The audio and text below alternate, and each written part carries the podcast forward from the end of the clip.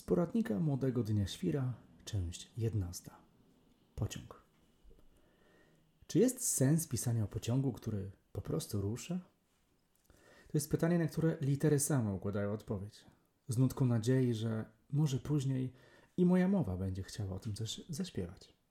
Zaczynamy. Każdy wie, że wars to wagon, w którym strzelisz kawę, a może nawet i kanapkę. Każdy wie, że w kuszetkach człowiek pośpi na piętrowym łóżku. Niby początek historii, a już mamy dwa pewne z nazwy dyliżanse. Zdefiniowane, przyetykietowane. Jakiś cwany detalista znalazłby również pociąg widmo, który przez peron tylko przejeżdża z napisem jazda testowa. Też nowe erki nie oglądają się za siebie, nie dają nawet nadziei, że dołączysz do ich podróży. W takim przypadku jeszcze owy nie pasażer zawsze może liczyć na następny. Ale o nim za chwilę. W tej całej zabawie jest jeszcze jeden pociąg. Dla mnie akurat bardzo ważny, nazywany przeze mnie trochę literackim. Jest wyjątkowy, jest nowoczesny, cichy i klimatyzowany. To w nim budzę inspirację i to w nim są najmniejsze wibracje. Mam tu na myśli drgania przenoszone przez szyny. Ale czy w ogóle ma to jakieś znaczenie? No, dla mnie i owszem, miło jest się rozczytać ze swoich porannych notatek. W tej całej pisarskiej zabawie staram się jechać właśnie owym dyliżansem i do wczoraj myślałem, że to ja go wybrałem. Lecz zaczynam podejrzewać, że było zgoła inaczej. Wczoraj, kiedy rozsiadłem się w jego ognisku domowym z widokiem na morze przez mocną parę R i Z, byłem świadkiem ciekawego dialogu. Tylko dodam, że widok na morze najbardziej istnieje. Okna tego pociągu są tak czyste, że widać w nich nasz ukołysany Bałtyk na odcinku Gdynia Główna. Ale wracając do dialogu, to brzmiał on mniej więcej tak. Stasiu, co to w ogóle za pociąg? Ci, nie pytaj, bo go spłoszysz. Zaraz ruszamy, siadaj. Obiecałem tobie pociąg, to jest. Ale ja nawet w rozkładzie go nie widzę. Bo to jest dziki pociąg. On tak jest, co jest, a jak go nie ma, no to pozostaje jedynie obietnica, że będzie. Od zaledwie kilka zdań, ale jakie trafne.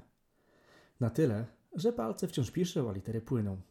Kaszubi, czyli północni Indianie Pomorza, nazywają owego bohatera ten, który rusza. Czy to truizm?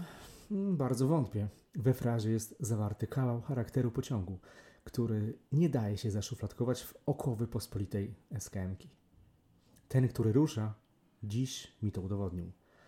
Podczas wczorajszego świadkowania dysputy o jego enigmatycznej naturze spojrzałem na zegar, który wskazywał 6.30. Dziś, kiedy dotknąłem jego dzikiego grzbietu, ruszył. Gwałtownie i rychliwie. Mogłoby się wydawać, że 4 minuty przed czasem. No ale Mustangi przecież mkną tak, jak im dusza dyktuje. Więc jedynie co mogłem zrobić, to pomachać mu i udać się na równoległy peron. Tam dosiadłem innego, żółto-niebieskiego smoka. Czy i on ma swoją nazwę? A owszem, nazywa się Następny. Bo jak nie on, to zawsze jest następny. Czy w swojej zwyczajności posiada on coś, co go wyróżnia?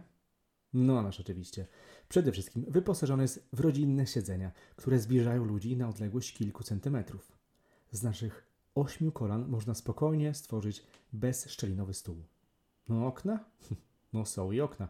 I również z widokiem na morze. No, ale tutaj mamy kropkę nad Z, bo może coś zobaczę, a może uśpi mnie szara warstwa naniesionego przez wiatry mułu. Nie wiem skąd te rzeczne mady, no ale są. Może aby rozbudzić naszą wyobraźnię? Hm, who knows? Oczywiście następny ma też Wi-Fi, ale tylko wtedy, kiedy pasażer obok, obok ci go udostępni. Na niektórych stacjach można odczuć melanżowy klimat, ponieważ jego pląsy są odczuwalne w niechcianym Parkinsonie i zamiast kreślić litery, zamieniam się w poloka gryzdający gryz moły w kształcie przedszkolnych szlaczek. Czy to już wszystkie zalety tej metalowej jaszczurki? Hmm. Oprócz podwójnych drzwi między przedziałami, które otworzysz tylko łomem, notabene wiszącym na ścianie z napisem użyj, gdy musisz, oprócz nigdy nieużywanego łóżka piętrowego, składającego się z żeber o szerokości notesu, to chyba wszystko. Wszystko to powinno się wymienić, naprawić lub zastaszkować kurierem z poradnika Młodego Dnia Świra, część dziewiąta. Tak, wiem, lokowanie produktu, ale kto jak nie ja. Puentując, skoro tyle zachodu z tą komunikacją miejską, to czy warto nim w ogóle jechać? Odpowiem pytaniem, czy dziadek Darwin uwielbił sobie żywe skamieliny? No więc właśnie, ten pociąg daje nam możliwość obcowania z ruchomym muzeum, a to wyjątkowe uczucie. Może i nie ma pewności, że dojdziesz na czas. Pewności, że w ogóle dojedziesz, no ale z drugiej strony ta szczypta niepewności i adrenaliny, kiedy trakcja elektryczna zapada się po jego przyjeździe, daje niezapomniane ścieżki nowych neuronów. W moim przypadku pozwalają one o tym wszystkim napisać, ale Wam może i posłuchać, może i kiedyś przeczytać, gdy wydam kolejną GWE książkę. A to, że od czasu do czasu łapiesz w tym pociągu setki nowych mikrobów i mentalnych zaburzeń, nie, jest nieważne. Bo powoduje, że po wyjściu zaczynasz żyć pełnią życia. Taki darmowy motyw do działania, który powinien nam wystarczyć, aby ryzykować i smakować następną podróż w następnym pociągu o imieniu następny. Cześć.